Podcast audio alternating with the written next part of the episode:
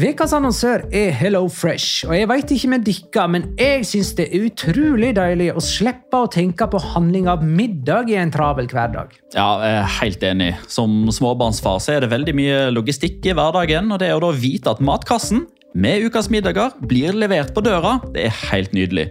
Da slipper du impulskjøp på butikken når blodsukkeret er lavt, og når du kommer hjem, kan du bare ta ut posen med dagens ingredienser fra kjøleskapet og sette i gang matlaginga. Ja, Du kan velge mellom 25 ulike retter hver uke. Og de har faktisk en egen kategori som heter Raskt og enkelt, med masse enkle og gode oppskrifter. Veldig greit å ikke måtte ty til takeaway hver gang det er hektisk på jobb. Jeg gleder meg spesielt til sterk chilikylling i min neste kasse. Jeg blir sulten bare av å tenke på det. Ja, Det er ikke feil med bacon og cheeseburger heller, da. Og det som også er bra, er at matkassen koster det samme hver uke, som gjør det enklere å holde matbudsjettet. Ja, og så blir det ikke matsvinn heller, fordi du får akkurat det du trenger til hver eneste rett. Hello Fresh kan absolutt anbefales, og bruker du koden vår, LIGALOCA, kan du få opptil 1779 kroner i rabatt på de fem første matkastene hvis du ikke har prøvd Hello Fresh tidligere. Du kan også prøve koden hvis du har avslutta abonnementet ditt for tolv måneder siden eller mer. Gå inn på hellofresh.no og bruk koden LIGALOCA. Bon appétit! Hallo? Jeg kommer fra Oslo politikammer. Ine Jansen er purk. Er du purk? The motherfucking bitch. Alt jeg vil, er å finne ut hva som skjedde med mannen min. Jon Carew. Er jeg sikta for noe? Iben Akeli. Det er du. Ole So, Lars Berrum og Big Daddy Karsten. Hvem sin side er du på, egentlig? Anette Hoff, Tone Danielsen, Kommer du fra Afrika? Jørnis Josef, Nesten. Kløfta. Trond Espen Seim. Det er synd å si det, men det var feil mann som døde. Purk. Premiere tirsdag på TV2 Play.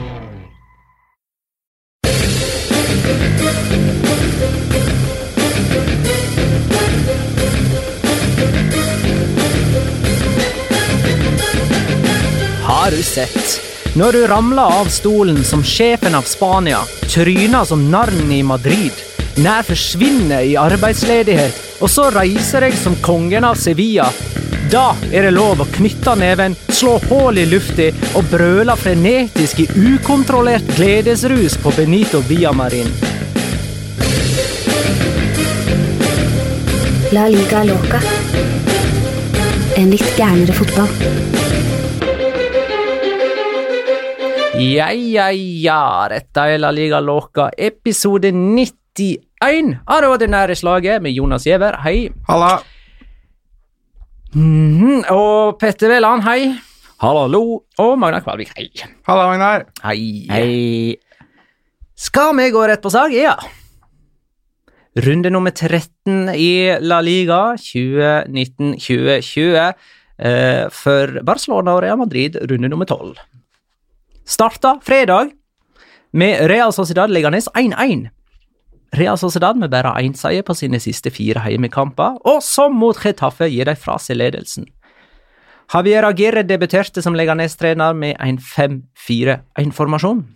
Sånn la seg det i alle fall. Før han kasta innpå en bråte med spisser og avslutta kampen i en ikke tallfestbar formasjon. Men han lykkes, da. 1-1 er jo bra, det. Uten midtbane, var ikke det det du konkluderte med? Jo, det, kanskje det var 5-2-3 til slutt. Ja. Eller jeg prøvde meg på 3-4-3, men jeg, jeg var ikke helt sikker på dette der, altså. Nei, men det var ikke så veldig mange legger ned-spillere på midten der. Eh, og det, Det var mange forsvarere og spisser. det bringer meg jo inn på et tankesett eller eksperiment som eh, vår eh, Ja, det er vel kollega når han jobber i media, selv om, jo, i hvert fall kollega av deg, selv om det ikke er samme avis, men Svea. Han har jo eh, ofte vært ute på Twitter og sagt sånn Hvorfor prøver ikke folk en 505 eller 604, bare for å overraske? Det funka jo for Leganes. De vant jo kampen uten midtbane 1-0. Det gjorde de faktisk, når de hadde gjort alle byttene sine. Alaves Valladolid 3-0. Lucas Perez skåra igjen og er den eneste gjennom tidene som har skåra i sju strake La Liga-kamper for to ulike klubber.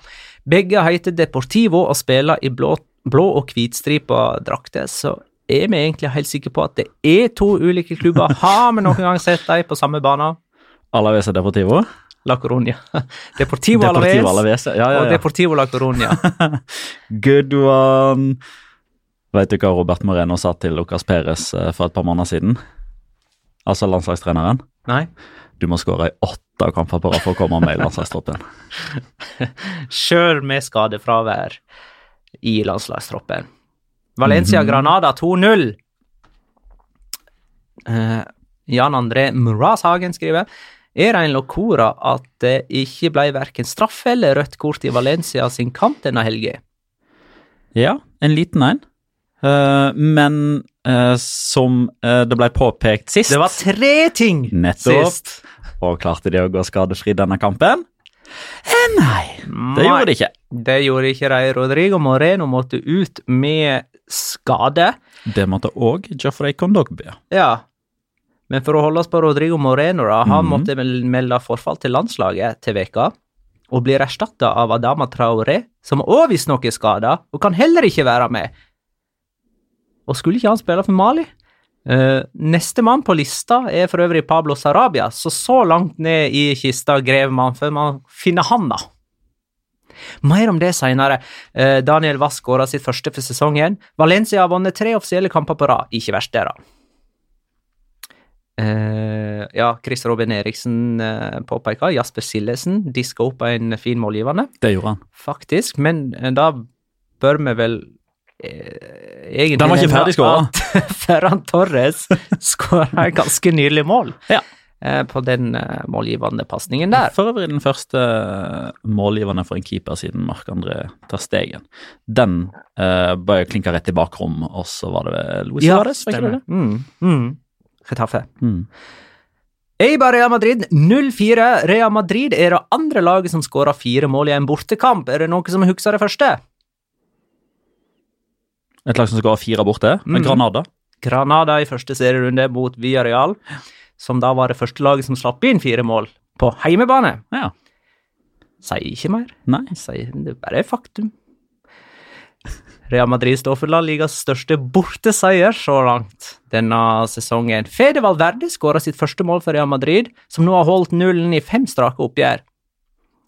Det er ikke sånn kjemperekord eller sånn kjempelangt tilbake i tid for å finne at det har, sist det skjedde, men det har ikke skjedd under Zinedine Zidane, så vidt jeg har skjønt. Nei, det har ikke det. Og, og med mindre uh, Real Sociedad skårer i løpet av de første to minuttene på Santiago Banabeo om eh, tolv dager, så slår Tibor Courtois Keilo Navas sin beste notering. Der ser du. Ehm, det var én ting til. Benzema skåra to, og er La Ligas toppskårer inntil neste runde. Når Messi skåra et hat trick på Leganes. Uh, for i forrige runde, altså den siste, Barcelona, Celta Vigo 4-1, skåra Messi hat trick på Celta Vigo. Uh, hvor godt må et bortelag spille på kamp nå for ikke å tape med tre mål? Kan et et oppfølgingsspørsmål med en gang, kan et tremålstap være en god trenerdebut? Jeg vet ikke. Jeg syns egentlig Marka har helt rett når de skriver i dag at nå starter sesongoppkjøringa for uh, Oscar Garcia og hans uh, Celta. At den kampen på Camp Nou sikkert kan brukes til noe fint, men jeg tror ikke vi får se Celta sånn igjen noensinne. Med tanke på den lagoppstillinga. For Ja, ja. det var litt som Altså, det var liksom sånn Ok, har Javier Aguirre tatt over to lag samtidig og debuterer Jo, i kveld kveld De òg? framstår jo ikke så defensive i spillet sitt som de kunne framstå på Nei, i lagoppstillingen. Nei, det gjorde det ikke. Og det, det, det syns jeg er en fin uh, sammenligning, eller en fin forskjell uh, mellom filosofien til Oscar Garcia og filosofien til Javier Aguirre. Men det som ble det store problemet til Celta Vigo, var at når de spilte seg opp i nærheten av der målsjansene skapes, så er det venstrebacker som er venstrevinger, og Pionicisto rett fra kjøleskapet og inn på elveren. Det var jo ikke spillere som skulle være i de posisjonene, som fikk de potensielle mulighetene. Sergio Bosquet skåra for første gang på drøyt to år. Men er det egentlig noen som tror han skåra i den kampen for to år siden? For da spilte Barcelona for tomme tribuner, så det var ingen som så det. Man kan ha sett det på TV, ja, men det kan være filmtriks og manipulerte bilder. Men man må ikke tro på det man ser på TV, iallfall alltid. Jeg tror dette var hans første La Liga-mål på fem år, da han ble matchvinner på Mestalla i 2014.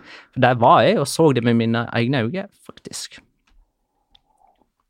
Og det at Busquet skåra, det overskygga selvfølgelig Messi sitt hat trick, og det at han skåra to vidt forskjellige frispark. Ja, det, det blir en parentes. Mallorca via Real 3-1. Takefusa Kubo skåra sitt første mål i La Liga. Han punkterte kampen med sin 3-0-skåring.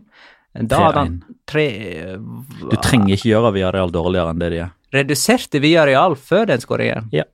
Mm, du må bare snakke, Jonas. Eh, Ser du nikker og, og holder leppene sammen. Eh, men eh, i alle fall så hadde han innen dette skaffa straffe til Mallorca, som ga i null. Det hadde han, Og, og vært veldig god. Og vært veldig god. Utlån fra Real Madrid.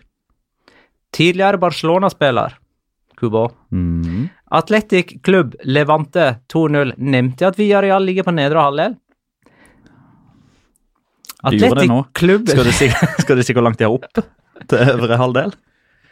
Eh, Fra 18 til, ja, til øvre halvdel er vel bare ett poeng, er ikke det? Eh, Nei, ja, det er helt riktig. Ett poeng. Ja, ok. Atletic Klubb Levante 2-1. Levante leda 1 til pause etter at Atletic hadde dominert første omgang, men så klarte altså heimelaget å snu det i andre. Ifølge Petter Wæland på Twitter har Atletic skåra 13 mål, 11 av de hjemme på samme mes. Det er det eneste laget på det han skriver. på øvre halvdel uten seier på bortebane. Eneste laget på øvre halvdel uten seier på bortebane. Eneste spiller denne serierunden som noterte seg for både mål og assist. Høyrebekk Ander Kapa. Mm. Var det en overvekt av høyre back målpoeng i denne runden? Det var det. Det var uh, til sammen tre målgivende som ble slått av backer denne helga. Tre av høyrebackene, ingen av venstrebackene. Ikke kom her og si at det ikke er kult eller tilfeldig. At det ikke, ikke kom og si at det ikke er tilfeldig. Så der har du en nekt, dobbel nekting. Kom her og si at det er tilfeldig. Uh, Atletico Madrid Español 3-1. Ga meg for denne. Alvaro Morata skåra i sin sjette offisielle kamp på rad. Og Er er der, den, der? bry- der bryter jeg stillheten min. Har jeg sittet og ventet på at dette her skulle komme opp.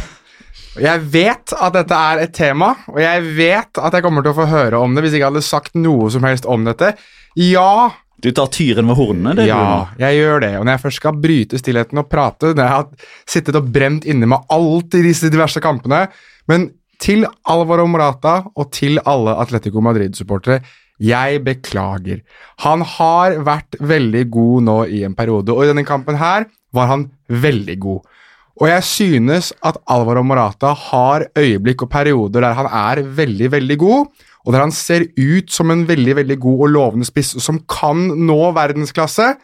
Men så kommer det nå, når det er seks kamper der han har skåret, så kommer det sju der han ikke skårer. Og det er problemet mitt med Alvaro Marata. Derfor så lemmer jeg han ikke i den kategorien blant verdens beste niere, som Lewandowski, som Benzema, som Riktignok eh, har jo han samme greia, han også nå, det er Luis Suárez, men som Aguero, som ja, et hav av et par andre spisser også, som, som sikkert skal være i den kategorien. Men når Morata holder på slik han gjør nå, i den perioden han har holdt på nå, da er han toppklasse. Sånn! Da er jeg med i podkasten denne Så- runden her òg. Når spillere skårer i hver kamp, da er de gode. Det er de. Det Men- erkjenner altså Jonas. Men, men jeg kan i hvert fall også si det at du skal videre til en kamp her litt seinere. Der er det en spiss som også har skåret mål, som ikke gjør det så altfor ofte. Og han når ikke verdensklasse uansett hva han gjør. Atletico Madrid hadde tre offisielle kamper på rad uten seier før de endelig vant her. Heller ikke her med overbevisning, spør du meg.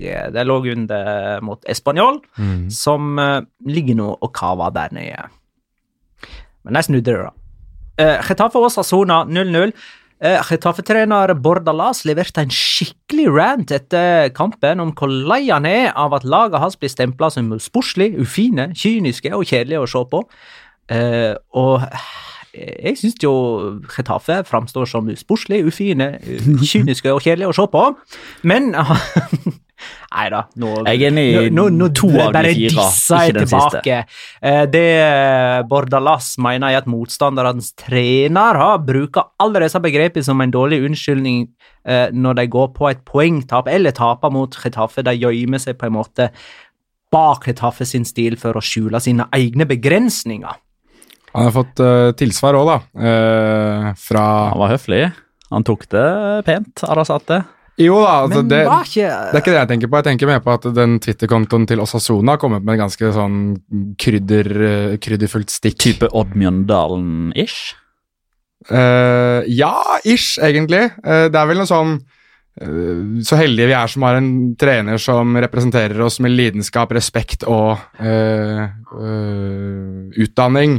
Så heldige vi er som har en trener som eh, får oss til å føle, føle at vi har en identitet. Så heldige vi er som har Jakob Arrazate. Er liksom sånn Ja. Det uh, syns jeg er et skudd i retning eh, far, altså. Det syns jeg er ganske Ja, retning, retning far. Ja, jeg har òg en melding til min uh, Hva blir det da? Onkel? Hvis vi er brødre. Det blir min onkel, da. Bordalas. Ja, riktig. Ja. Uh, dette her er topp én-lag med flest gule kort i La Liga denne sesongen. Retafe. Topp én forrige sesong Retafe. Jeg bare, ja. Det var mest rødkort i år. Topp to for Nei. to sesonger tilbake. Retafe. Real Betis Sevilla 1-2.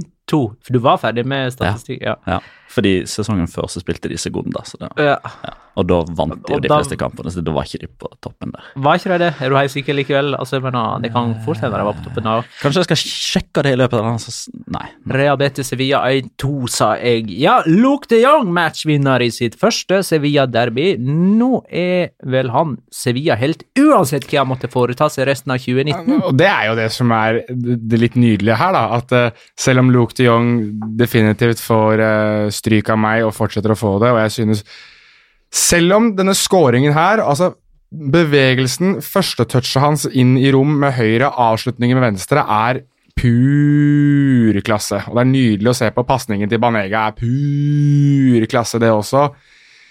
Og ja, han er uh, definitivt en Sevilla-helt. Altså Man kan se, kan se tilbake til den, den kampen her og huske det for den kampen der Luke de Jong kanskje svarte alle kritikerne som var, men altså, igjen da, det, Altså, du svarer ikke kritikere ved å spille Altså, de dårlige kampene er jo fortsatt dårlige kamper som, som er gjort. Han kan jo ikke svare kritikken og si at jeg spilte bra i de kampene òg.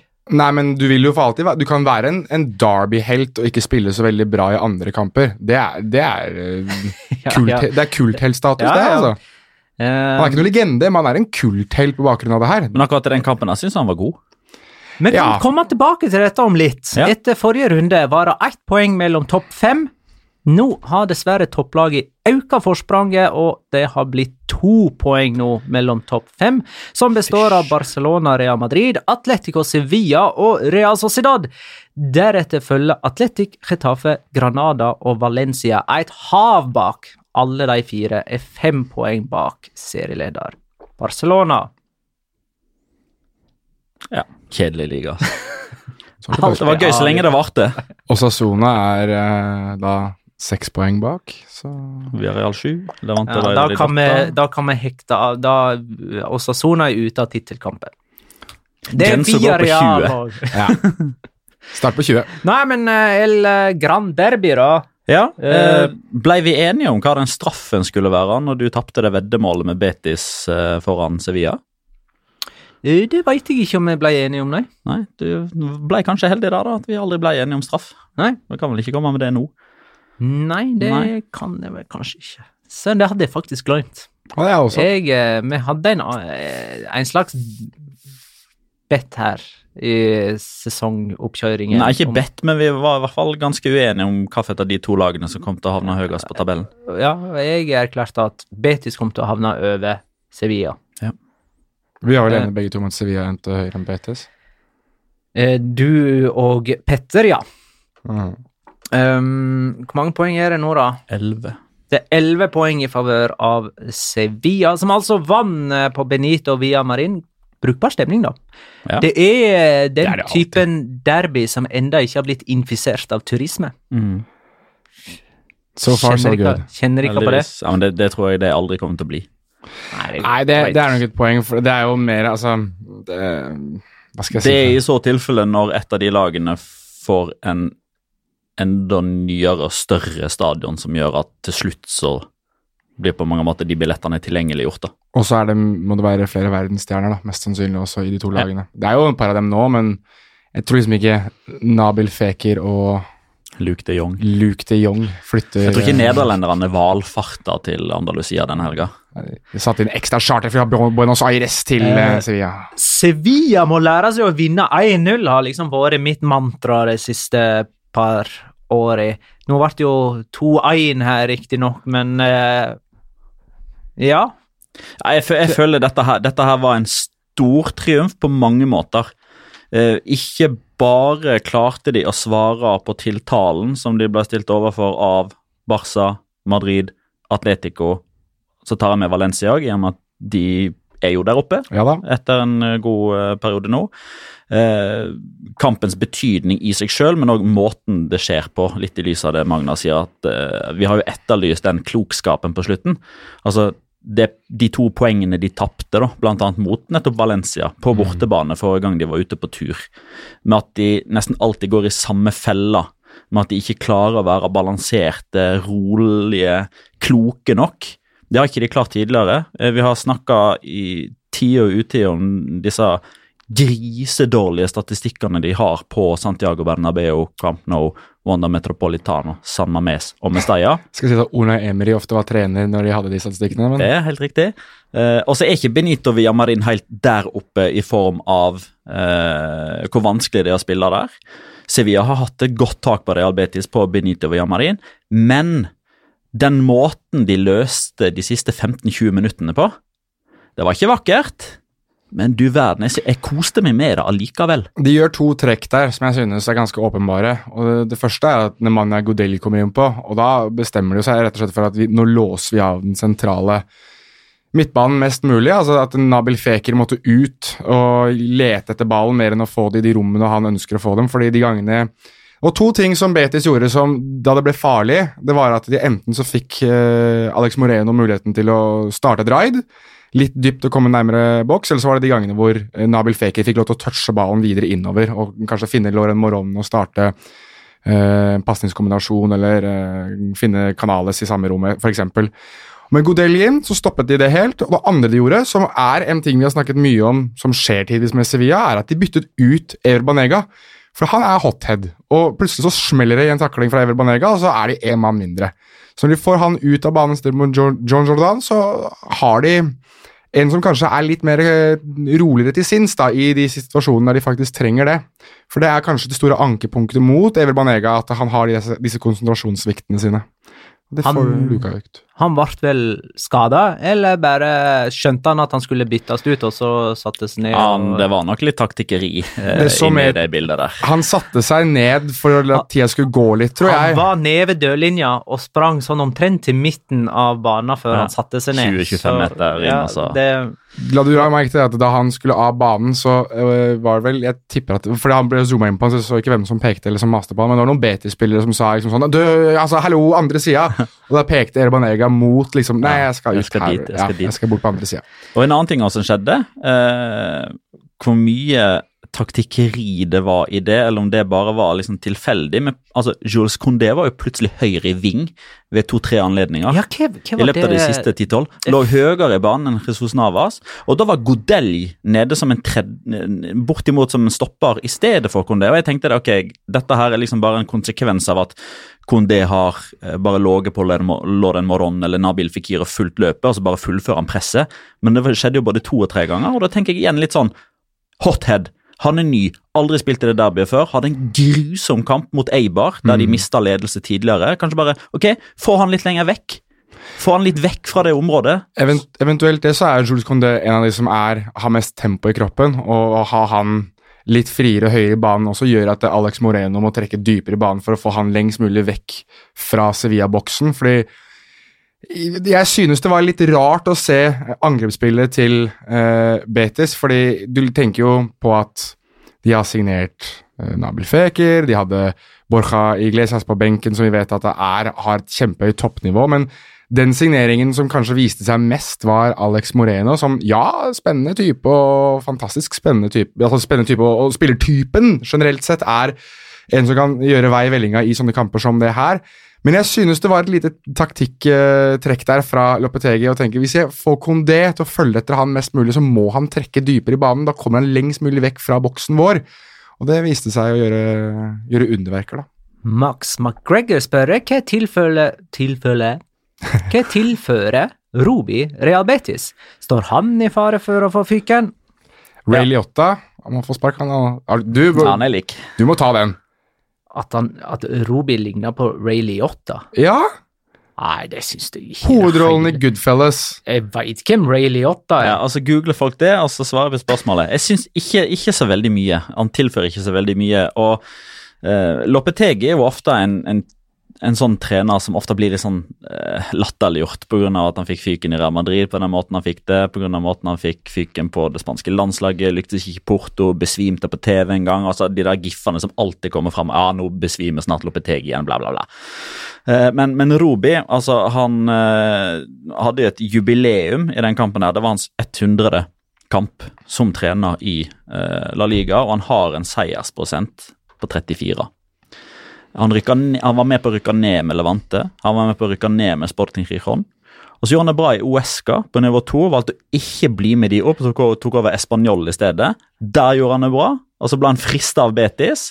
Og så nå går det dårlig for Español, så går det dårlig for Betis, og så sitter Kikki sitter igjen og tenker Carl M. Torgrimsen spør bør Kiki settes inn igjen. Jo, den likte jeg. Den så jeg på Twitter tidligere i dag. Da humra jeg godt. Den anerkjenner jeg maksimalt. Seks av ti. Ja, eh, det er for meg, for det dere mener er ti av ti, det blir så åpenlagt og, øh, Nei, ti 10 av 10 var det ikke. Nei, 10 av 10 var det ikke, Nei, men jeg Så når det er seks av ti, da er det en god en. Ja. Det er en annen, Eh, en annen rekord her som ble satt, eller rekord, rekord. Uh, Joaquin er jo den spilleren nå som har flest tap i eh, La Ligas historie. Han utlignet da Esnaola, uh, Betis-legenden med 178 tap. Så Joaquin eh, er La Ligas største taper. Men sånn, er Robi i fare for å bli Ja. sparket? Ja. Ja, men det er han jo. altså, det, Ja. det, altså Og- og- Betis-presidenten var jo ute og snakka om dette for et par uker siden, om at det vil alltid være mye press på Betis-trenerne, og vi følger med på situasjonen. Uh, utelukker ikke det å hente tilbake en tidligere Betis-trener. Altså, Han snakka såpass åpent om det at uh, han, uh, han hadde rett og slett bare løyet hvis han hadde sagt at Robi ikke var i, i fare. Og så ble han jo på mange måter redda av Nabil Fekir, som da skåra vinnermålet mot Celta Vigo i det sparkederbyet. Og alle feira med Ruby i tillegg. Ja, nettopp. Og så fikk de 0-0 på Santiago Bernabeu. Men 1-2 mot Sevilla, og så er det spillefri i to uker. Den murringa som kommer til å være da de neste to ukene nå. Jeg skulle akkurat å si da, at den landslagspausen nå kan være veldig beleilig for et Betis-styre. Eh, Mikael Bjerkan har jo sendt oss en eh, video fra ei tid tilbake der eh, Betis-publikummet synger 'Kikke vete ja', som altså var for å få ut Kikke sett igjen, og spør jo litt sånn spisser av. Er det verdens dummeste supportere? Eh, men eh, for eh, supportere så er det jo ikke så lett å uttrykke alt de ønsker. Altså, de de ville ha Kikki sett igjen ut, ja, men ville de ha inn Robi, liksom? De, de sto ikke og ropte etter Robi, Robi eh, den kvelden heller, Nei, liksom. Nei. Og Det er ikke sånn at det har gått fra kjempebra til dårlig. Det har gått fra ikke godt nok til enda litt mindre godt. Ja, ikke sant? Men nettopp. Det var ikke helt godt nok Nei, med han ellers. det, altså. Jeg syns ikke Det det. er, det er litt den der memen som har gått på Twitter, nå, den der 'feeling like shit, just want her back'. Det er litt den der Ja, er greia med, med Kikkiset igjen. Litt sånn som Arsenal-fansen også har ytret. Kanskje, kanskje det er byttehandel man skal gjøre nå? At Ona Emery får lov til å ta over Betis, og så kan Arsen Wenger ta over Arsenal igjen, så er alle happy? Kan jeg få snakke litt om Diego Carlos før vi er ferdig med Ja. Derby-snakket? Fordi jeg leste en sak i El Confidencial, det var for et par uker siden, men jeg ble litt mer sånn eh, observant på den nå i løpet av helga, og spesielt etter den kampen der, for jeg syns han har vært så god. Diego Carlos framstår for meg som kanskje ja, definitivt inne på mye sånn topp fem-kjøp til nå denne sesongen, altså nykommere. Eh, og den måten Monchi og guttene jobber på altså Fikser jo litt sånn ripa i lakken, eh, det gikk på i, i Roma. Eh, men, men i Sevilla så er han liksom i sitt ess med den måten han og teamet hans jobber på. Og da er det jo sånn at de har i sin database da full oversikt over absolutt alle spillere i en sånn mellom 40 og 45 ligaer. Og i de 40-45 ligaene så er det et sted mellom 16 og 20 lag. Hvert lag har 20-25 spillere. Så det er en sånn database på mange, mange tusen spillere. Og så kommer Jolene Lopetegi til Manchester i, i sommer. Vi må ha en stopper, altså minst én stopper, og han stopperen han må ha et høyere eh, Altså, han må vinne mer enn 62% av hodeduellene, fordi det er snittet i La Liga. Og han må ha eh, over 43% treff eh, Altså 43% treffprosent på langpasninger. Det var to av de attributtene som Jolene Lopetegi sa dette, må dette, dette må stopperen min være god på. Finn noen som er bedre enn snittet i La Liga. Eh, og Så går de inn og så i løp, med disse verktøyene sine så luker de ut en hel haug som da ligger på en lavere prosent enn dette. Eh, Som Inigo Martinez og for, for eksempel. Uh, og så sitter de igjen med fortsatt en ganske stor pool på en sånn 200-300 stoppere som passer innenfor dette segmentet her. Eh, og så går de inn på litt mer Frode Kippe, blant annet. Ja, Eksempelvis. uh, og så går de inn på for eksempel personlighet og alder, og da ryker blant annet Frode Kippe Ja, på alder, naturligvis. Uh, andre som ikke helt passer inn med tanke på personlighet, hvordan de måler det, eller hvordan de kommer fram til det, det vet jeg ikke, Vi regner med at da, da snakker de med agenter og sportsdirektører etc. Og pris, naturligvis. Maks 25 millioner euro. Det er liksom maksprisen på absolutt alle dealer Sevilla gjør for øyeblikket, fordi det der har de bare satt taket ut ifra sine økonomiske forutsetninger. Sitter igjen med en fire-fem, kanskje seks potensielle. Går inn i forhandlinger med de seks klubbene og faller da ned på Diego Carlos. 15 millioner euro for han annet. Og han er supergod. Jeg elsker den måten å jobbe på. Scattergun eh, Og approach, som det kalles på neste episode skal du fortelle oss om kriteriene for uh, spisser. Ja. Diego Carlos for øvrig. Lillebroren til Eller store Nei, hva blir det for noe? Lillebroren til Roberto. Det var en dårlig vits. Gå videre, du. Ja. Eh, vi gratulerer Sevilla med seier i Sevilla Derby. De neste minuttene nå har jeg valgt å kalle lytterens røyst. Altså, vi bare tar og peiser gjennom noen lytterspørsmål, og noen ganger så svarer lyttere på andre lytteres Ja, like. spørsmål, så det, derfor heter dette Lytternes røyst. Ja, eh, jeg fant en her nå, eh, siden vi var nå på kicket sett igjen og ikke forlete han helt enda. Koma Jegeren spør eh, kan det hende at sitt igjen, sett igjen plutselig enda eller blir aktuell for Arsenal? Og er det en eventuell god match? Der er det jo en annen eh, Holdt på å si sånn eh, Nei, hva heter det for noe? Sånn dominoeffektsopplegg. Istedenfor at Emery får sparken, så er det Kikki sett igjen istedenfor Wenger, og så går ikke den dominoen min opp, da. Men Nei. Det hadde, vært, det hadde vært kjempegøy, men jeg tror ikke Kikki Sette igjen sin stil passer England, skal jeg være helt ærlig. Jeg tror ikke han snakker engelsk heller, og da blir altså, Men jeg Trenger bare- Arsenal en ny mann inn som ikke behersker språket? Good evening. Good evening. Good evening. Nei, nei, good evening. Good evening. Jeg tror bare ikke at han eh, Jeg tror bare ikke at hans væremåte heller passer England noe særlig. Altså, han er en veldig free-spirited type. Merittlista hans er ikke god nok heller Nei. til at han får nok arbeidsro hvis det skulle gå dårlig. Altså Arsenal-fansen begynner å bli lei Unai Emery, som har vunnet Europa League flere ganger, og som har hatt PSG-trener. Nei. Okay. Jeg liker tanken, men nei. Nei. Nei. Kenneth spør. Og nå er jeg med på Real Madrid, som altså vant 4-0 i Eibar. Zidane brukte halve sommeren på å fokusere på Pogba, men Fede Valverde har tatt den rolla med storm. Mer fysikk og kapasitet enn Isco og Modric, og avlasta Casemiro med defensivt arbeid. Eh, og så skriver han at Real Madrid har vel ikke avgitt poeng når han har spilt, men det er jeg litt usikker på. Jo, han spilte 0-0 borte mot Atletico Madrid. Da var han Ja. der fra start. Ja, ikke sant? Men de har ikke tapt med han fra start. Ikke fra start, men han har nå kommet inn i El Clásico og tapt og sånne ting. Ja. Ja. Fast plass i laget. Altså Og nå holdt jeg på å si noe som er jinxete, så jeg bare driter i det. Men eh, altså, du har jo en annen unggutt som har stått fram i det siste, år, sånn som Rodrigo. Men der blir jo gjerne suksessen målt i antall målpoeng. Eh, og skal det være suksess, så må man levere det jevnt og trutt. ikke sant? Men sånne som Fede Valverde kan på en måte stabilisere i midtbanen og levere over ti, eller Mm, nei, definitivt. Han, øh, I den kampen her så syns jeg han er banens gigant, jeg, sammen med Eder Hazad, som jeg syns de, to, og Benzema, er liksom en sånn trehodet troll som ødela alt for, øh, for Eibar. Og, uh, men, men Fede Verde, jeg satt og Kult at vi får det spørsmålet, for jeg satt og tenkte en del på uh, hvem er det han minner meg om? For jeg, dette har jeg snakket om før, at jeg liker veldig ofte å sette spillere på en slags knagg, at han har den samme spillertypen som den og den.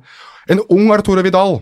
En Arturo Vidal som mer, eh, hadde mer tempo i kroppen og som hadde høyere balltempo. Det er det jeg ser i Fede Valverde. Og jeg snakket jo masse i tidligere episoder om at det Real Madrid mangler, er hurtighet i ballen. At ballen blir gjerne stående fast hos spillere veldig ofte.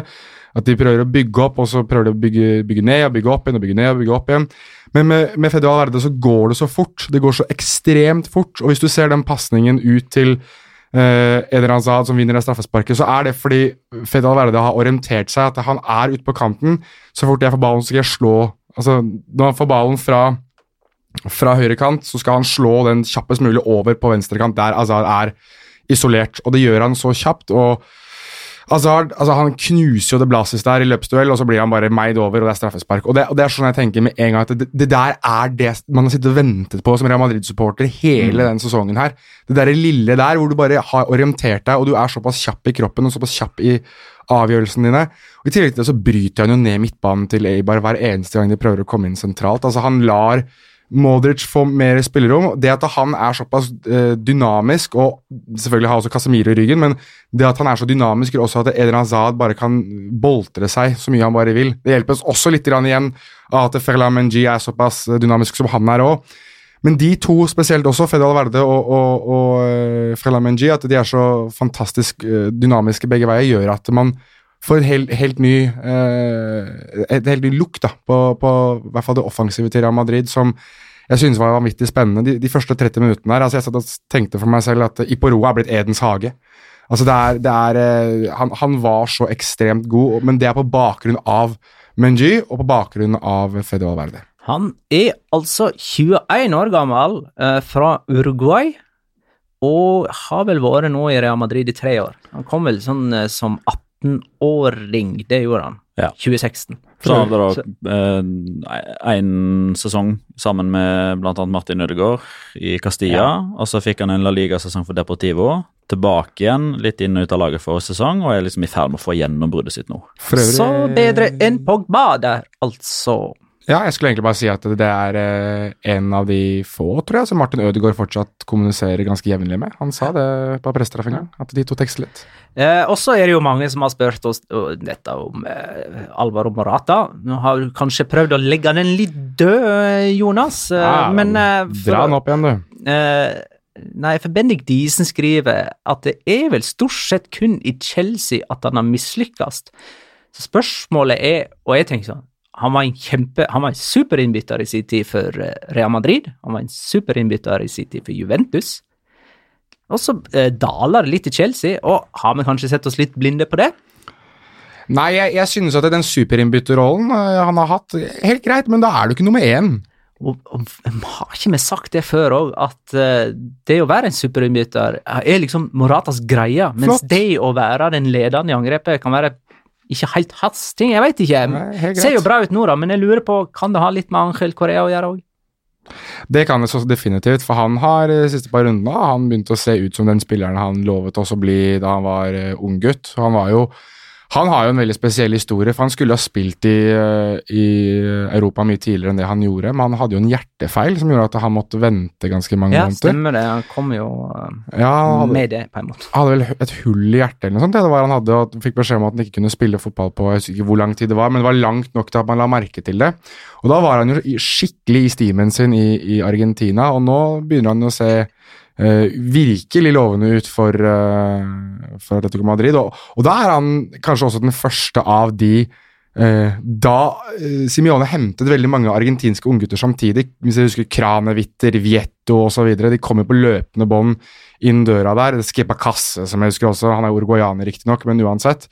Og Angel Correa ser ut til å være kanskje den eneste som det faktisk har blitt noe sånn skikkelig skikkelig av. Ja, ok, José Maria Jiménez, da. Det er eh, den andre. Jeg venter fortsatt litt på Korea, eh, rent sånn Ja, med, han- med tanke på stabilitet. Han ligner i hvert fall litt på den, på den spilleren nå. Eh, Mats Oppheim spør, og nå beveger vi oss over på Barcelona. Er ikke de Jong, Busquets, Artur en nydelig, en nydelig midtbane? Jesper Tørstad svarer. I utgangspunktet, ja. Med Valverde, nei. Syns ikke det er en god midtbanetrio uansett, jeg skal jeg være ærlig. For du mangler uh, du Blir jeg de for like? Ja, Eh, De er mer ball... Altså, alle er ballorienterte, da, for å si det på denne måten. Uh, greit nok at Busquets er, bredd, er den som skal være stabilisator, og så er det kanskje mer, eh, mer Frenke de Jong som er breddeholder av de tre, mens det er Arthur som skal føre ballen framover i banen. Men uh, jeg, jeg, jeg tenker at på en, en treer på midtbanen så må du ha en som er litt hardere i taklinga òg. Nå er det sikkert noen som sitter og husker den gangen du hadde Chavi Niesta Busquets, og det gikk jo veldig fint, det. Og de manglet jo også litt eh, greiene der, så det kan godt være at det, dette faller på sin egen urimelighet. Men jeg har alltid ment at du må ha én som er litt hardere enn en de to andre for at det skal fungere, for da har du litt grann, eh, robusthet i midtbaneleddet òg, og det tror jeg man Jeg tror at i kamper der det går litt kjappere, og lag velger å stå litt høyere litt oftere enn det Celta gjorde i den kampen her Du så i første 15-20-30 ish, så hadde jo Celta veldig god kontroll på det at de sto høyt og presset litt sånn som Slavia Praha gjorde. Men så fort 1-0 kommer, så, så blir de jo feige og faller litt ned, og da kan disse tre kose seg så mye de vil. Audun Hallen Berge spør om Messi er god på frispark. Nei. Han er ekstrem på frispark. Ja. Det er bare å se. Og, og eh, med to nye frisparkmål mot uh, Celta Vigos, så kom den der statistikken over hvor mange mål han har skåra versus hvor mange lag som har skåra på frispark, den ble bare utvida fra fem til seks til sju til åtte år tilbake i tid. Ja. Og, ja, så det er veldig langt tilbake i tid at Messi har samla opp flere frisparkmål enn alle andre lag i de store seriene i Europa. Men det kule her er jo, er jo eh, statistikken på hvor mange, mange prosent av frisparkene han tar som faktisk går i mål. Og Mr. Chip har jo gått uh, ut med det at han har jo skåret 33-messig på frispark i, i La Liga, og 9,51% av frisparkene som Messi tar, går i mål. Det betyr at uh, rundt av, av, av alle ti, så er det ett som går i mål. Det er ganske vill statistikk, egentlig. Ja, den blir enda litt bedre eh, av at eh, Fordi det var jo òg Mr. Chip som skrev, og da la han inn en mer sånn eh, en sånn subjektiv vurdering av det hele òg, fordi den frisparkfoten hans har jo bare blitt bedre og bedre. Eh, altså, fra, altså fra han debuterte og fram til 2015 så var treffprosenten 6,9. Fra 2015-2016-sesongen så er den på 12,6. Vet som var Og da bare eh, konkluderer jo Mr. Chip da med at sommeren 2015 så tenkte Messi ja, hva kan jeg bli bedre på? Ja, Jeg kan bli med på frispark. Ok, Greit, men da blir jeg verdens beste i det òg. Vet du hvem som har eh, inspirert Messi på frispark? Det kom fram nå et intervju Eller det har vel vært nevnt Maradona. Nei, Nei, det er sikkert noe basketgreier. nei, det er ikke noe basketballgreier. Dette kommer det. til ikke. Juan Roman Riquelme. Der ser du. Geir Halvor Kleiva spør, og svar kjapt. uh, kjenner dere til noen som har skåra hat trick på frispark? Ja, Sinisa Mihailovic. Stemmer. Espen Ruud. Ha, han gjorde det òg. Var var var Han skåra tre frisparkmål i en og samme Ja, var det ikke det, eller var det to Ja, nå er du eh, usikker. Ja, jeg ble litt usikker. Jeg tror i hvert fall to, to og så tror jeg kanskje han hadde et straffespark eller noe sånt. Han Sånn hadde, som Messi, altså. mulig. Eh, Espen Ruud er lik Messi. Adrian Oce MMA spør hvor tynt anligger Calleja i sin Via Real-jobb nå etter tre kamper på rad uten seier. Jeg liker svaret. De har ikke vunnet eh, de siste tre kampene, ja. Eh, og skal møte Atletico, Valencia, Sevilla og Getafe etter landslagspausen. Er det Håkon sitt svar du liker, eller? Ja. Han blir uansett henta inn igjen til våren, så han er nok ikke enormt bekymra. Men er Jeg liker det. Nei, han er ikke fare. Han er ikke fare. Han er ikke. Nei, han er ikke det. Jeg tror vi runder av eh, Hæ? Han burde være i fare, syns jeg. Ja, nå, det kan godt være. Ja. Jeg tror eh, vi runder av den der, og så går inn i den nostalgiske timen. Der Petter skal få lov til å greie ut om et historisk La Liga-øyeblikk. Ja. Jeg og Jonas skal sette et årstall på det. Vi skal til Sevilla. Uh, vi skal noen år tilbake. Eh, på denne tida her så er det Lone Star, Savage Garden og Mariah Carey som preger toppen av Billboard. Wow. Uh, Lone Star, Savage Garden og Mariah Carey. Mariah Carey. Uh, Leonardo DiCaprio smelter en uanstendig mengde pikehjerter med sine scener i The Beach. Og en bitte liten andel av den norske sportspressa har tatt turen til Sevilla. Det er nemlig muligheter for en historisk norsk dag i La Liga. Det norske landslaget lever fortsatt i sus og dus. Interessen rundt de norske landslagsspillerne er stor. Eh, Men eh, idet spiker på Ramón Sánchez Pitruan leser opp navnene på lagoppstillingene, så blir man litt skuffa. Carlos Marchena, Vasilis Sartas, Pedro Monitis, Salva Bajesta, Olof Melberg blir nevnt opp, og Frode Olsen. Eh, Men allikevel så er det med en viss grad av skuffelse når disse lagoppstillingene kommer. For det var nemlig en årsak til at det fantes norske journalister på stadion denne kvelden, og det var ikke bare pga. Frode Olsen. Han hadde jo nemlig debutert i La Liga et par uker i forveien, så det i seg sjøl var jo behørig dekka. Men på benken til gjestene fra Rathing Santander sitter det en annen nordmann, nemlig Sigurd Rusfeldt. Men han hadde jo spilt 16 kamper i La Liga før dette her, så hvorfor var dette her så stort egentlig? Eller hvorfor kunne dette bli noe stort? Jo, fordi da Sigurd Russfeldt entra banen i det 76. spilleminutt, mens Frode Olsen fortsatt vokta buret for Sevilla, så var det første gang noensinne at to nordmenn var på banen i én og samme La Liga-kamp. Når da?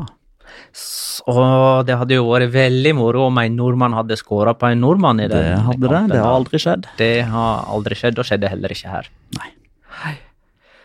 Ja, nei eh, Altså, for meg er det jo Dette, Jonas, er det jeg mener med å gi hint underveis, med masse spillernavn. Skal vi begynne å snakke, vi begynne å snakke om Og- isbjørnquizer istedenfor? Og ikke Ja. minst Ja, eh, populærkultur, da.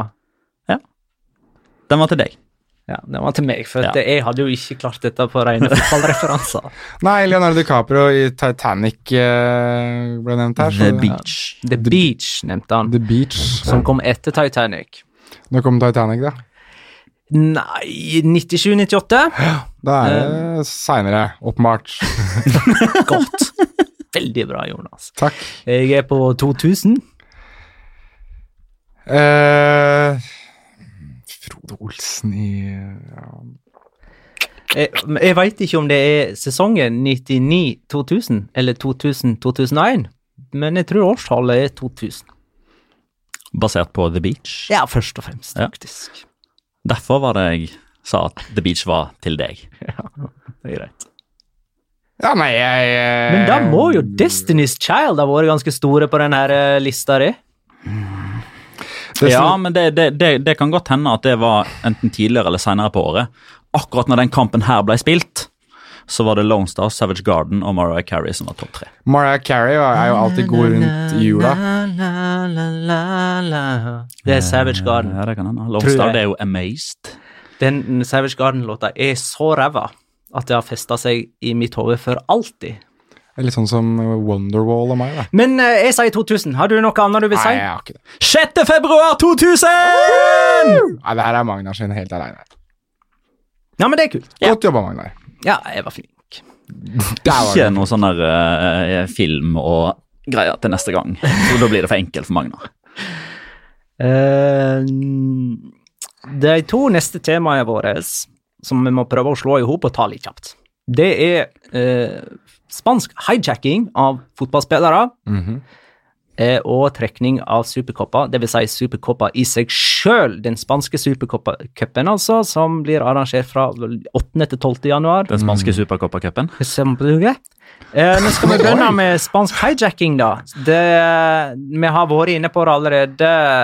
Altså, Rodrigo Moreno måtte trekke seg fra landslagsveka pga. skade.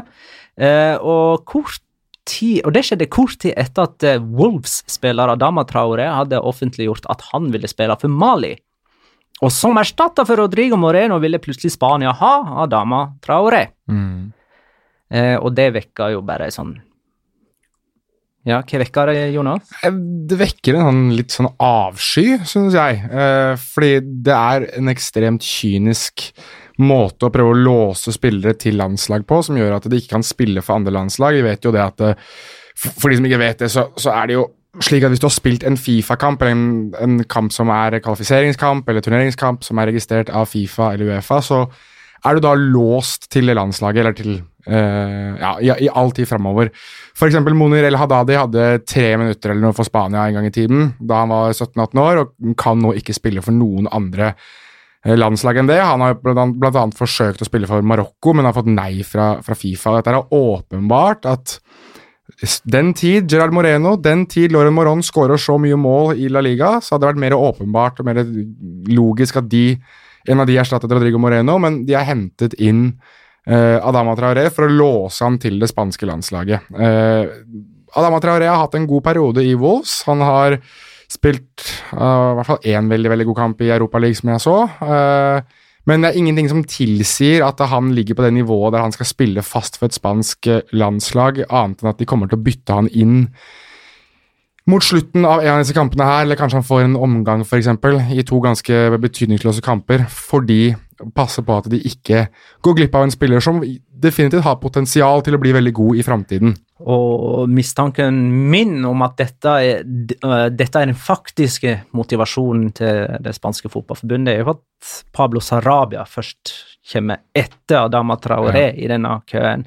I tillegg så er det jo mange øh, Serie A-kjennere som snakker veldig varmt om Luis Alberto for tiden. Ja, og Sosa var jo inne i troppen for ikke så lenge siden. Også, Så de lir jo ingen nød akkurat i den typen Nei, det gjør ikke det. Men eh, jeg er jo helt enig i at dette, dette lukter. Uh, samtidig så er jeg ikke like kategorisk uh, på at dette her liksom her er så veldig kynisk. Altså, altså dette er jo en er jo en, en forespørsel, en, en invitasjon. altså Man blir kalt inn, men man har ikke plikt å stille. altså Det er ikke som når du får brev fra Heimevernet eller Forsvaret om du skal møte der, hvis du ikke gjør det, så får du straff, eller hva det er for noe. Eh, altså De står helt fritt til å gjøre dette. Monir el-Hadadi gjorde dette helt frivillig eh, i 2014, da han spilte et kvarter mot Makedonia.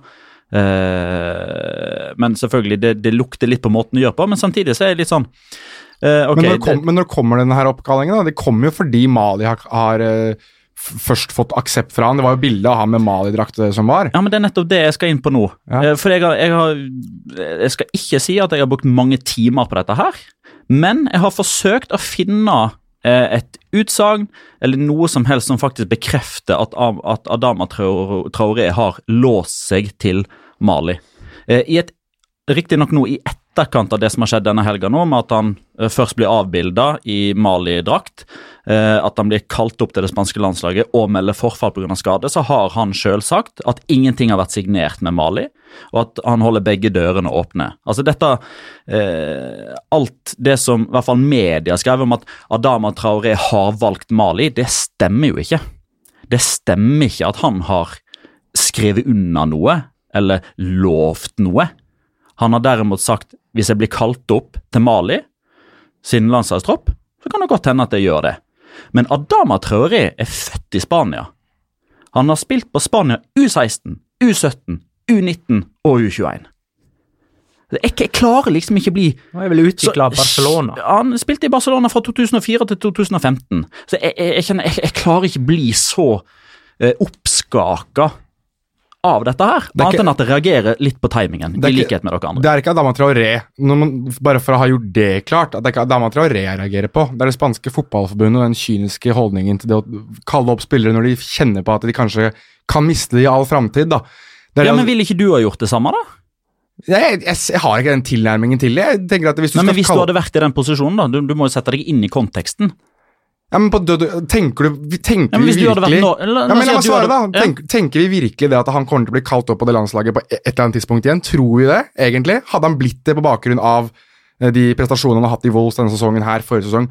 Har han noen gang egentlig vært i nærheten av en spansk landslagstropp? Når han var på vei opp og fram, så var jo han en type som Monir El Ja, Okay.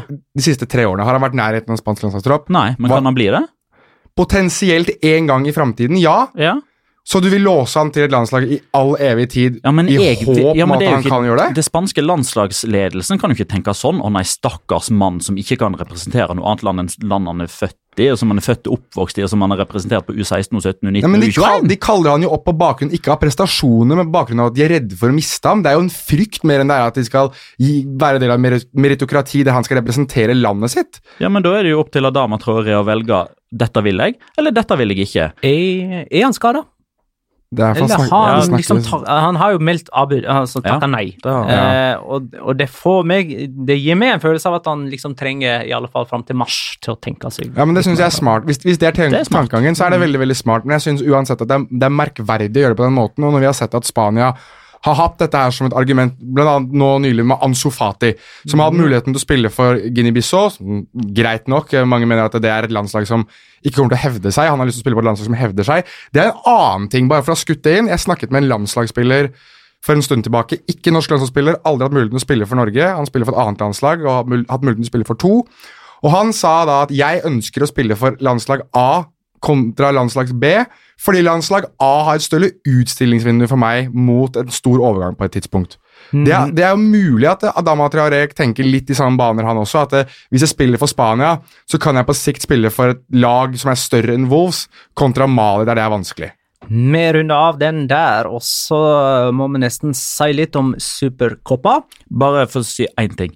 Og det at det er totalt 41 spillere som opp igjennom har representert Spania, til tross for at de har blitt født i et annet land. Så dette er ikke noe nytt, bare sånn det er sagt. Nei.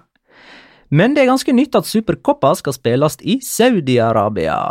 Et av verdens mest autoritære og udemokratiske regimer med smått anstrengte forhold til menneskeretter, likestilling og ytringsfrihet. Her kan vi gå i samme tag, Jonas. Hurra! Ja, her kan vi være med hverandre. Eh, og når Rubiales, sjefen for det spanske fotballforbundet, blir spurt hvorfor eh, dette lagt til Saudi-Arabia, så svarer han ikke at de tilbydde mest penger. Eh, selv om alle Nei, det var bare helt tilfeldig. det. Nei, de, de, la Ja, det er det la de merke til etter at avtalen var signert. Jo, det er internasjonalisering av fotball og bra markedsføring, og da små alt i Midtøsten. Kvinnekamp, ikke minst. De har altså fått kontraktfesta, sier det spanske fotballforbundet, at damer skal få lov til å gå og se på denne kampen. Og når du arrangerer en turnering i et land der du må ha en kontrakt for Ja. å få til dette, så bør det ringe noen bjeller. Dessuten, eh, dette her veit ikke jeg, men jeg har sett litt rundt, og sånn som jeg har forstått det, så har damer hatt lov til å gå på kamper i det siste i Saudi-Arabia. Så hvis eh, Rubialis og co. føler at dette her er nybrottsarbeid, og at de nå åpner porter for likestilling i Saudi-Arabia, så tror jeg de tar feil. Iran... For er det, står det noe i kontrakten om, om at homofile har lov til å gå på disse kampene? Nei. Eller er det, det er kanskje bare å møte opp som seg sjøl, er bare pass på å ikke kysse en annen av samme Det er vel litt sånn, sånn som man sier Er det, ikke, er det Russland? Skal jeg være veldig forsiktig med hva jeg sier, men er det ikke Russland som sier at her er det ikke homofile? Er det ingen homofile i det landet? Ja, nei, nei, det fins ikke det. Nei, Det er bare så rykte som går. Eller, jeg tror jeg er sikker på om det ikke var Russland, men det er fra et land der jeg har lest en, en offisiell uttalelse der de sier jeg har ikke noen homofile her. Ingen. Absolutt ingen er homofile. Men eh, for, å- det er jo, altså, dette her er jo ikke noe, noe nytt, det at Saudi-Arabia prøver å få et slags grep rundt verdensfotballen. De har jo uh, ymtet frampå at de har lyst til å kjøpe diverse fotballklubber. Manchester United har vært nevnt. Jeg vet at uh, Newcastle var vel også nevnt uh, som klubber de hadde ønsket å kjøpe seg inn i. Altså, de har jo et, eh, et rykte og et, eh, si et PR-problem i Saudi-Arabia på bakgrunn av dette Khashoggi-drapet osv. med han eh, Mohammed bin Salman, han Det eh, er et uh, PR-problem. Ja, altså, det er, jo, det er jo blant annet det, da, men det er annet, mange andre problemer. men, men de ser ikke så veldig bra ut nå. Hvis du skal løfte et regime til å se litt bedre ut, hva gjør du for noe da? Ja, da investerer du tungt i sport. Det kan Qatar, og det kan De forente arabiske emirater skriver under på med stor, stor, stor suksess. Men er det bra PR for Spania? Nei, det Nei. er det ikke, men det tror jeg faktisk eh, Saudi-Arabia kaster såpass mye penger på at det driter dem alle sammen i uansett. ja, det er helt åpenbart at dette gjør de for pengene. Ja. Eh, og Luis Robiales taler jo i to tunger når han først sier nei til La Liga og Javier Tebas om å spille en kamp i Miami. eh, et halvt år etter at de sjøl har spilt en uh, Supercopa-finale i Tanger i Marokko. Ja. Og så nå skal de spille de neste tre utgavene av en Final Four i Supercopa, som òg utelukkende er en turnerings, eller et turneringsformat som er forma på den måten at de skal få mest mulig penger ut av dette. Det er verdt å påpeke her at uh, bare for, for å ta Saudi-Arabia som idrettsnasjon, da, at de nylig For de som er interessert i sånt, så de har jo nylig signert en tiårsavtale med WWE, World Wrestling Entertainment, Hulk Hogan og alle de gutta der. De skal komme minst én gang hvert år og ha show i Saudi-Arabia. For de skal liksom vise at de er så åpne, og at hele verden skal få lov til å se hvor flott Saudi-Arabia er. Altså det er helt det er sånn Jeg må innrømme at eh, den sportslige interessen rundt denne nyheten kom i andre rekke for meg. Hvem eh, Så jeg vet ikke helt hvem som har trukket Real Madrid møter Valencia, Atletico Madrid Sånn- møter Barcelona. Så sånn helt tilfeldig så ble det jo mulighet for El Clásico i finalen. Jeg vil noen hevde. Ikke okay. jeg, men Nei, skal vi gå over på noe hyggeligere? ja, la oss jinxe litt. La oss jinxe en eh, ung og lovende spiller for evigheten. Jeg skal kåre rundens spiller i dag. La oss ta den leiken igjen. Hva oppnådde du innen du var russ? Rakk du å bli Barcelona-spiller? Rakk du helt intetanende å påføre Barcelona en overgangsnekt på halvannet år fordi at du var altfor ung til å bo og jobbe så langt fra heimen din? Rakk du å bli sendt tilbake til heimlandet ditt for et regelbrudd du ikke visste noe om? Og så noen år seinere bli kjøpt av Real Madrid? Var du både Barcelona og Real Madrid-spiller før du var russ? Og innen du reiste på russetur til Mallorca i grisefylla og kom hjem igjen med kjønnssykdommer, rakk du å spille på det lokale fotballaget der nede? Og å skåre et La Liga-mål for det lokale fotballaget der nede, mot Villarreal? Hvem har ikke skåra på Villarreal, si? Vel, det sitter tre mann i dette studioet som er skyldige i mangt, men ingen skåra på Villarreal verken før, under eller etter russetiden. Den 18 år gamle Takefusa Kobo gjorde det. Han har dessuten debutert for det japanske landslaget. På søndag klokka tolv, mens en stor del av hans norske jevnaldringer våkna av skallebank og fylleangst etter nok ei lang lørdagsnatt, spilte Take Kubo én time med La Liga-fotball. Og det var alt han trengte for å stå bak alle Mallorca sine tre mål mot sine nedrykksrivaler. Før klokka rakk å bli ett, hadde han først skaffa straffe, og seinere spilt sine lagkamerater gjennom alene med keeper. Klokka sju minutter over ett skåra han sjøl fra 20 meter. Da tenkte Vicente Moreno at det er like greit å ta ut vindunderbane, før hypetoget går over styr. Men det var altså litt for seint til å unngå at Take Kubo gjorde seg fortjent til den noe tvilsomme kåringen i La Liga Loca runden spiller. Gratulerer og lykke til. Det var vel det siste vi så til han. Og der gikk den karrieren dass. Som sagt, gratulerer og lykke til. Det er tid for Locora! Ukens La Liga Locura. Locura. Locura. Locura. La Liga Locura. Jonas, vær så god. Ja, jeg får eh, starte med den kampen du eh, snakket om her nå, eh, Magnar. Fordi det skjedde jo en liten artig greie i eh, Mallorca Real, som eh, jeg humret godt av. Fordi du har jo i alle kamper, eller de aller fleste kamper, så har du jo eh, sånn banemannskap som sitter og passer på at det er ingen som eh, streaker ut på banen. Og eh, disse kallene satt alle sammen i gule vester. Og etter drøyt halvtimen spilt, så uh, Husker ikke hvem dommeren eh, var, faktisk. Det var Del Cero Grande, faktisk. Som eh, blåste og uh, pekte litt på disse gutta om at uh, her måtte det gjøres endringer.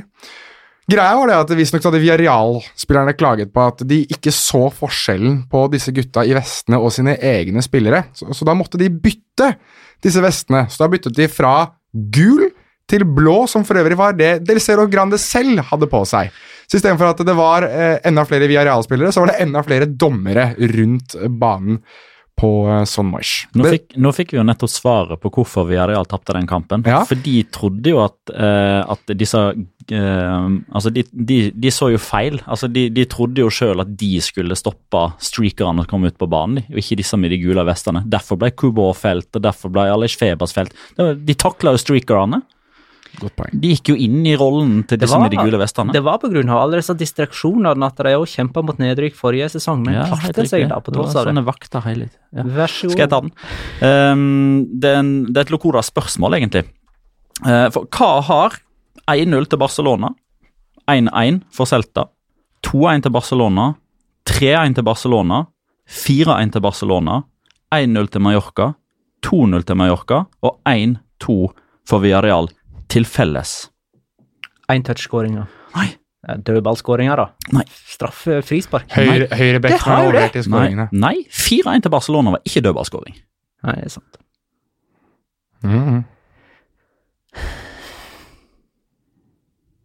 Nei, veit ikke. Argentina skåret i alle kampene eller noe sånt. Nei, Busquets skåra vel det fire i målet som var åpent. Å ja, ja, det var det, jo. Mm. I åttespill. Eh, Jeg veit ikke. Klarering og skudd. Alle skåra sitt første mål på to år! Det, det er det. Stemmer det? For, ja, for vi har jo ikke sett Messi live. på. Jo, jo på Ipporoa. Ja, stemmer Så som meg og Jonas Søren, vi har Ja. sett han faktisk skåre. Det- Det er ingen som slår målgivende pasning på de åtte strake skåringene. Og jeg har detaljert statistikk fra ni sesonger tilbake igjen. Og den lengste målgivende frie rekka før dette var sju fra sjette serierunde i 2016-2017. Så dette her er den lengste rekka av altså. skåringer. Åtte skåringer uten at noen slår målgivende pasning, fordi det er enten straffe eller frispark på sju av de, Mm. og Busquets er en heading fra en klarering Ja, ut i returrommet. Mm. Fin. Takk. Eh, for meg er det jo spesielt nok at en spiller skårer sju kamper på rad. Enda litt mer spesielt at en annen spiller parallelt med dette, altså i det samme tidsrommet, skårer i seks kamper på rad. Det aller mest spesielle likevel at det er Alvaro Morata og Lucas Perez som kjører denne parallellslalåmen. Eh, Morata har på disse seks kampene skåra like mange mål som han gjorde hele forrige sesong som Atletico Madrid-spiller, altså fra januar. da. Mens uh, på sine sju kamper har Lucas Perez skåra dobbelt så mange mål som hele forrige sesong. Så det er jo liksom ikke, ja, iallfall i det siste, spillere som bøtta inn mål, dette her. Hadde vi hatt uh, sånne musikkrettigheter, så hadde jeg spilt av uh, Lost Ketchup-sangen. Nemlig. Vi har blitt bedre og bedre på å nynne eh, musikk i eh, dette, denne podkasten. Greit at vi har noe å falle tilbake på. Ja. Når det gjelder tipping, da, så, så ser det jo ut Det ser for øvrig ut til at eh, noe 60% av eh, La Liga Loca-redaksjonen ikke er klare til innspilling neste mandag. Uh, så jeg er litt Det blir ikke tipping nå.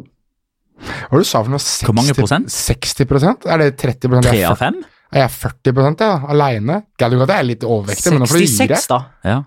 Skal vi sier det sånn? Vi vi skal runde opp til 67, faktisk. Ja, greit det. Mhm. To tredeler. Ja. Eh, så det spørs hva som skjer neste uke. Kanskje vi tar en torsdag, vi får se. Men iallfall så var den kampen vi tippa på nå denne helga, det var Real Betis Sevilla som endte 1-2 med Ocampos som første målskårer. Petter hadde 2-2 med Morron som første målskårer. Det er null poeng. Du har 15. Magnar hadde 1-2 med Ocampos som første målskårer. Det er årets første femmer! 14 poeng på meg. Jonas hadde 3-1 og Fekir. Det er null poeng, og du har seks. Eh, Med hvem da? Hvem du måtte ønske Hvis det er med en annen mann som ikke gjør det i Saudi-Arabia. Eller Russland?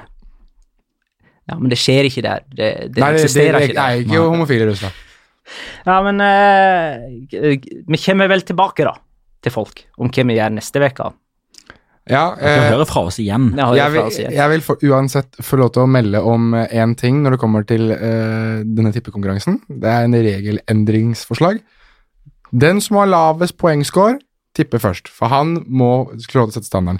Det Men- er ja, men vet- ja, men vet- i ja, men- NBA og ja, men- NFL ja. drafter at det er det dårligste Greit, du skal få lov til å tippe først. Ja, det er greit. Det er greit. Men, men det som er poenget her, er jo at grunnen til at vi blir enige om hva for en kamp vi skal tippe på, før vi går inn i studio, er jo at det tipset ditt skal være klart før førstemann tipper. Men greia er jo også den at hvis du sitter eh, helt sist i dette her, så må du tippe annerledes fra de to første uansett. Hadde jeg hatt mulighet til å fade ut denne samtalen, og så hadde jeg gjort det. Tusen takk for alle innspill, spørsmål og bidrag. Jeg vil bare at tippinga skal være rettferdig! Tusen takk for at du lytta, kjære lytter. Ha det, da!